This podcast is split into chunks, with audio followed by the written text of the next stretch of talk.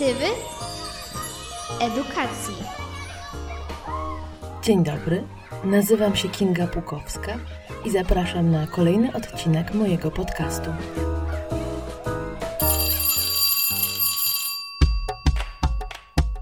Egzaminy w nauczaniu domowym. Dzień dobry, nazywam się Kinga Pukowska, a to jest mój podcast Pozytywy Edukacji. Zapraszam do kontaktu. Mój mail to kinga.pukowska.pozytywy.pl Dziś drugi dzień matur. Mój najstarszy zdaje swój egzamin, a jednocześnie świętujemy jego 18 urodziny. Dlatego dla mnie to bardzo szczególny dzień. Ale temat matur i zbliżającego się końca roku szkolnego nierozerwalnie połączony jest z tematem egzaminów, a tego często dotyczą pytania osób zainteresowanych edukacją domową. Po pierwsze, o co chodzi z tymi egzaminami? Dzieci chodzące do szkoły przez cały rok są sprawdzane ze swojej wiedzy, piszą sprawdziany, kartkówki, odrabiają zadania domowe. W edukacji domowej nie mamy tych rzeczy, ale zgodnie z przepisami dzieci muszą przystąpić do egzaminów końcowych. Wyglądają one podobnie jak egzaminy klasyfikacyjne dla tych, którzy z jakichś powodów nie mogli uczestniczyć w zajęciach stacjonarnych i po prostu mają zbyt dużą ilość godzin nieobecności. Taki uczeń również musi podejść do egzaminu z całego roku albo z całego semestru, a w edukacji domowej dzieciaki muszą podejść do egzaminu rocznego, który składa się z dwóch części: z części pisemnej i z części ustnej. Ilość tych egzaminów zależy od ilości przedmiotów w danej klasie. I tak jest ich niewiele w nauczaniu początkowym, a potem pojawia się coraz więcej, bo wiadomo, że w klasach 7-8 czy w liceum tych egzaminów jest naprawdę sporo, czasami nawet kilkanaście. Nie znaczy to oczywiście, że te wszystkie egzaminy są zdawane w czerwcu. To nie tak. E, egzaminy w edukacji domowej mogą być zdawane w dowolnym momencie roku szkolnego. Oczywiście wiele zależy od szkoły, którą wybraliście dla swoich dzieci. W niektórych szkołach rejonowych terminy egzaminów narzucane są przez szkołę. Trzeba się do nich dopasować. A w większości szkół tzw. Tak przyjaznych edukacji domowej termin egzaminu możecie wybrać sobie sami, kontaktując się bezpośrednio z nauczycielem. W szkole, do której zapisane są moje dzieci, organizowane są sesje egzaminacyjne, na które możemy się zapisywać z wyprzedzeniem. Egzamin odbywa się w formie pisemnej i w formie ustnej. W czasie pandemii wiele egzaminów odbyło się zdalnie. Było to bezpośrednio związane z nauczaniem zdalnym. Ale kiedy dzieci wróciły do szkół, e, wróciliśmy również do egzaminów stacjonarnych. Są też szkoły, które nadal egzaminują online i jeżeli taka forma jest dla Was najlepsza według Was, to warto zapytać o taką możliwość szkołę, którą wybieracie.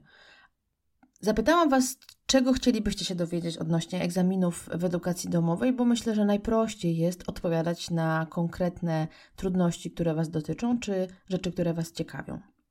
Pojawiło się pytanie odnośnie tego, jak motywować młodzież, jak motywować dzieci do nauki, e, szczególnie tych opornych, którzy nie chcą się uczyć. Pozwolę sobie znowu nawiązać do książki Petera Greya Wolne dzieci. Autor mówi w niej, że dzieci najlepiej uczą się wtedy, kiedy chcą. A zatem ciężko mówić o tym, że można kogoś zmusić do nauki. Tylko jak to zrobić, żeby dzieci chciały się uczyć? Po pierwsze, w edukacji domowej mamy taką możliwość, by podążać za talentami i uzdolnieniami naszego dziecka. A zatem te przedmioty, które wybiera nasze dziecko, możemy rozwijać, y, możemy szukać wsparcia z zewnątrz, możemy e, znaleźć pasjonatów, którzy będą jeszcze bardziej rozwijali chęć naszego dziecka do nauki i zgłębiania tematu. A przedmioty, które są mniej ciekawe, możemy oczywiście też próbować znaleźć osoby, które będą chciały przedstawić dany temat w sposób ciekawy, ale myślę, że warto czasami pogodzić się z tym, że niektóre zagadnienia dla naszych dzieci nie będą pasjonujące. I w edukacji domowej możemy je po prostu zaliczyć. Oczywiście zaraz pojawią się głosy, no ale świadectwo, oceny, jak to będzie wyglądało na koniec roku. Czy tobie potrzebne było świadectwo z piątej, szóstej albo siódmej klasy szkoły podstawowej? Jeżeli Twoje dziecko nie wybiera się do stacjonarnej szkoły średniej, tylko zamierza kontynuować edukację domową, najprawdopodobniej świadectwo z ósmej klasy też nie będzie mu do niczego potrzebne. Kwestia ocen to temat na osobny podcast i myślę, że ten podcast byłby bardzo długi. Powiem tylko tyle, że ja jestem zdania, że oceny o niczym nie świadczą, a już tym bardziej, kiedy mówimy o ocenie egzaminu, który trwał tak naprawdę chwilę, czyli testu, które dziecko pisze w ciągu godziny i rozmowy z nauczycielem, która trwa 30 minut. Ocena zależy od wielu rzeczy, od tego, czy to dziecko było zestresowane, czy też nie, o której był ten egzamin, jaka była rozmowa z nauczycielem, czy udało się nawiązać ciekawą relację, czy tematy na egzaminie pisemnym podeszły? I wiele, wiele innych. Ocena nie definiuje naszego dziecka i myślę też, że w dużej mierze nie sprawdza jego wiedzy ani umiejętności. Dlatego jestem zdania, że warto naprawdę odkleić się od tego, jaka będzie ta ostateczna cyferka, a bardziej skupić się na tym, żeby te przedmioty, które wymagają zaliczenia, zostały zaliczone, a te, które powodują błysk oka u naszego dziecka, rozwijać, eksplorować i pomagać mu e, dowiadywać się jak najwięcej. Może się zdarzyć też tak, że nasze dziecko nie zapała miłością do żadnego ze szkolnych przedmiotów. I to jest trudne dla nas, rodziców, szczególnie, że my, jako rodzice, najczęściej jesteśmy tak zwanymi produktami systemu. I ciężko jest nam pogodzić się z tym, że nasze dziecko może nie chcieć uczyć się tego, co jest w podstawie programowej. Jesteśmy przesiąknięci taką postawą, że dziecko musi, że to my musimy znaleźć sposób, my dorośli, żeby zmusić dziecko do nauki. Jesteśmy przekonani o tym, że to, co zostało przygotowane w danym roku szkolnym, musi zostać nauczone. Ale czy musi? To może nie jest dobry moment również na to, żeby dywagować nad tym, czy podstawa programowa jest zasadna, czy nie i jak ją traktować. Na ostatnim szkoleniu z profesorem Kaczmarzykiem usłyszałam, że 80% wiedzy, którą przyswajają nasze dzieci w szkole, nie będzie im do niczego potrzebna. I oczywiście, że to my dorośli jesteśmy od tego, żeby pokazywać dzieciom świat yy, i żeby mówić im o różnych ciekawych rzeczach, inspirować, yy, rozbudzać tą ciekawość jeszcze bardziej. Ale czy jesteśmy od tego, żeby odgórnie ustalać, co w danym roku szkolnym nasze dziecko musi umieć, musi się nauczyć. Z perspektywy siedmiu lat edukacji domowej bardzo wyraźnie widzę, że tak naprawdę przepustką do dalszej edukacji jest matura i dopiero matura w cudzysłowie liczy się, ale też liczy się dlatego, że mój syn chce kontynuować edukację na studiach. Bardzo trudno jest wyjść z tego pudełka, z tego przekonania, że oceny są ważne i że podstawa programowa jest niezbędna. Podstawa programowa jako pomysł na przewodnictwo w poznawaniu i pokazywaniu świata, tak, ale podstawa programowa jako przymus, jako obligatoryjna koncepcja na umiejętności i wiedzę do wtłoczenia w danym roczniku, w danym momencie, niekoniecznie. Bardzo doceniam w edukacji domowej właśnie to, że jeżeli przedmiot jest trudny albo nie do końca ciekawy, wcale nie trzeba umieć go na 100%. Oczywiście wiele zależy od szkoły, jaki jest poziom, minimum, który trzeba znać, żeby dany przedmiot zaliczyć, ale myślę, że w szkołach przyjaznych edukacji domowej egzaminy to przede wszystkim spotkanie, rozmowa. To taki moment, w którym uczeń może pochwalić się tym, czym interesował się w tym roku, co osiągnął, co zrobił. I to niekoniecznie musi być fakt przeczytania podręcznika od deski do deski, rozwiązania wszystkich zadań, opanowania podstawy programowej w 110%. To mogą być zupełnie inne rzeczy i bardzo przyjemne są te egzaminy, w których nauczyciel chce dowiedzieć się czegoś od swojego ucznia. Bo przecież nauczyciele też nie wiedzą wszystkiego. I myślę sobie, że gdyby zapytać fizyka o wojnę secesyjną, być może, jeżeli nie jest pasjonatem, niewiele miałby nam do powiedzenia. Podobnie, być może, historyk nie byłby w stanie wytłumaczyć zasad termodynamiki albo równań kwadratowych. Może być bardzo różnie. dziś można było zobaczyć, jak niektórzy maturzyści po napisaniu egzaminu z matematyki głośno powiedzieli nigdy więcej. To nie jest tak, że wszystko to, czego uczymy się w szkole, na pewno będzie nam potrzebne w dorosłym życiu. Dlatego myślę, że nie warto przywiązywać się tak bardzo do ocen, do podstawy programowej i do tego, jak świetnie radzi sobie nasze dziecko z kluczem, z odpowiedziami, z pisaniem testów, bo to nie o to chodzi. Czy można nie zdać egzaminu w edukacji domowej? Teoretycznie można. Jeżeli dziecko nie zda egzaminu w edukacji domowej, to zgodnie z przepisami będzie wracało do szkoły. Jesteśmy w edukacji domowej 7 lat. Wydaje mi się, że bardzo ciężko jest nie zdać egzaminu w edukacji domowej. Z mojego doświadczenia zdarzają się sytuacje, w których licealiści bywają odsyłani na kolejny termin, żeby coś jeszcze doczytali, czegoś jeszcze się nauczyli. Ale nie jest to tak, że brak idealnego przygotowania skutkuje od razu cofnięciem zgody na edukację domową. Bardzo wiele zależy od szkoły, bardzo wiele zależy od nauczyciela, ale bardzo wiele zależy też od ucznia.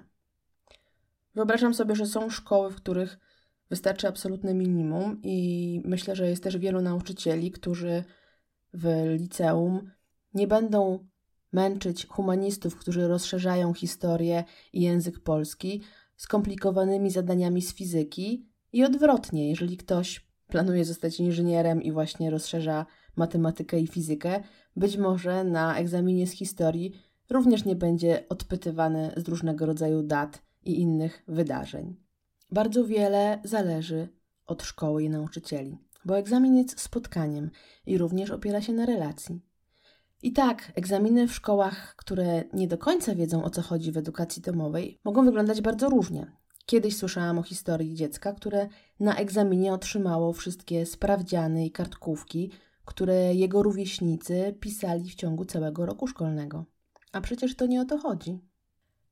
Egzaminy nie mają dobrej sławy. Teraz trwają matury. Myślę, że wielu rodziców ma koszmary, że muszą do swojej własnej matury podejść po raz kolejny. Na szczęście to tylko sny.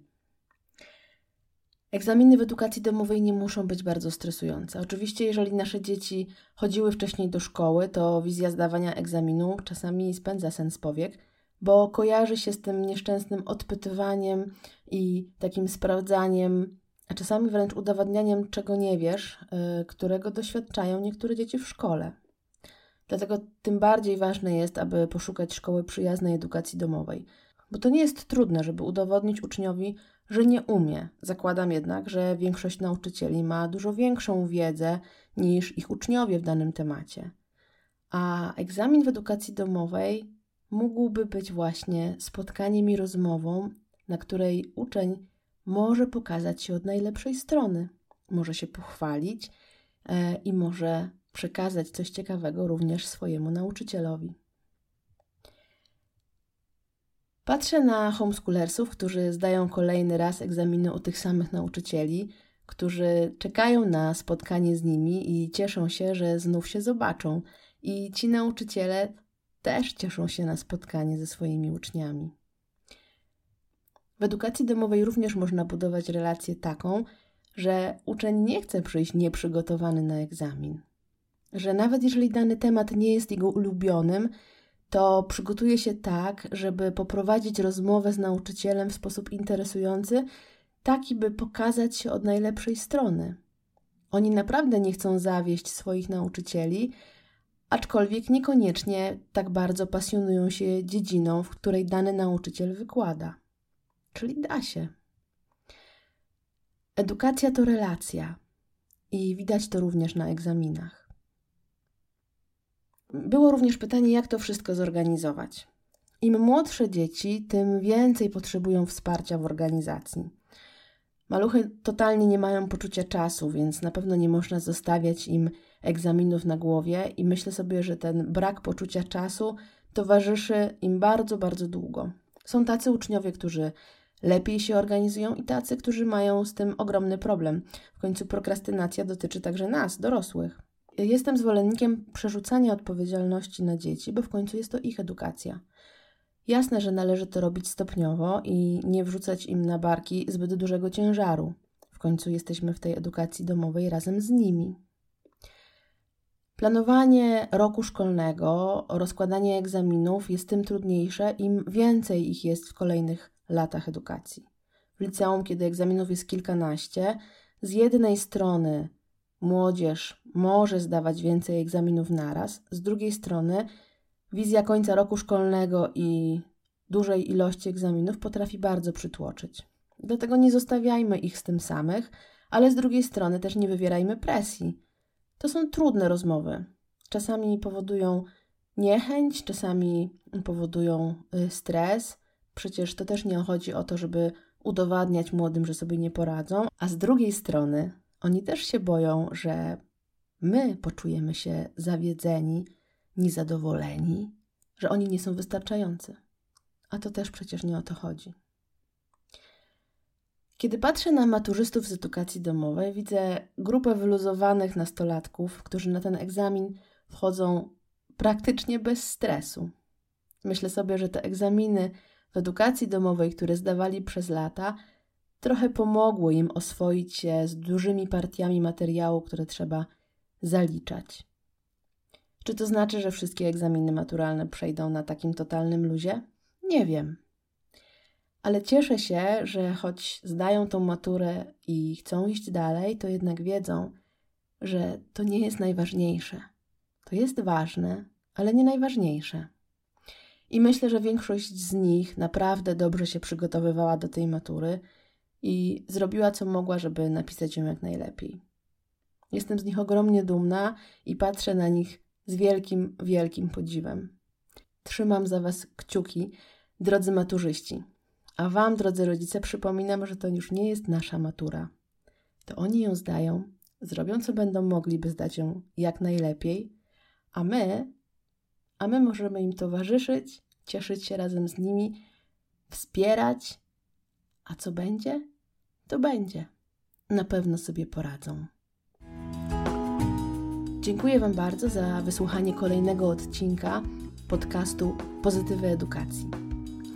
Przypominam, że możecie do mnie pisać. Mój mail to kinga.pukowska.pozytywy.pl Zapraszam Was też do odwiedzenia strony www.pozytywy.pl, gdzie znajdziecie nie tylko te podcasty oraz ich transkrypcje, ale także wideo i różne artykuły. Przypominam też, że można mnie znaleźć w mediach społecznościowych na Instagramie i na Facebooku. Pozdrawiam Was serdecznie. Do usłyszenia.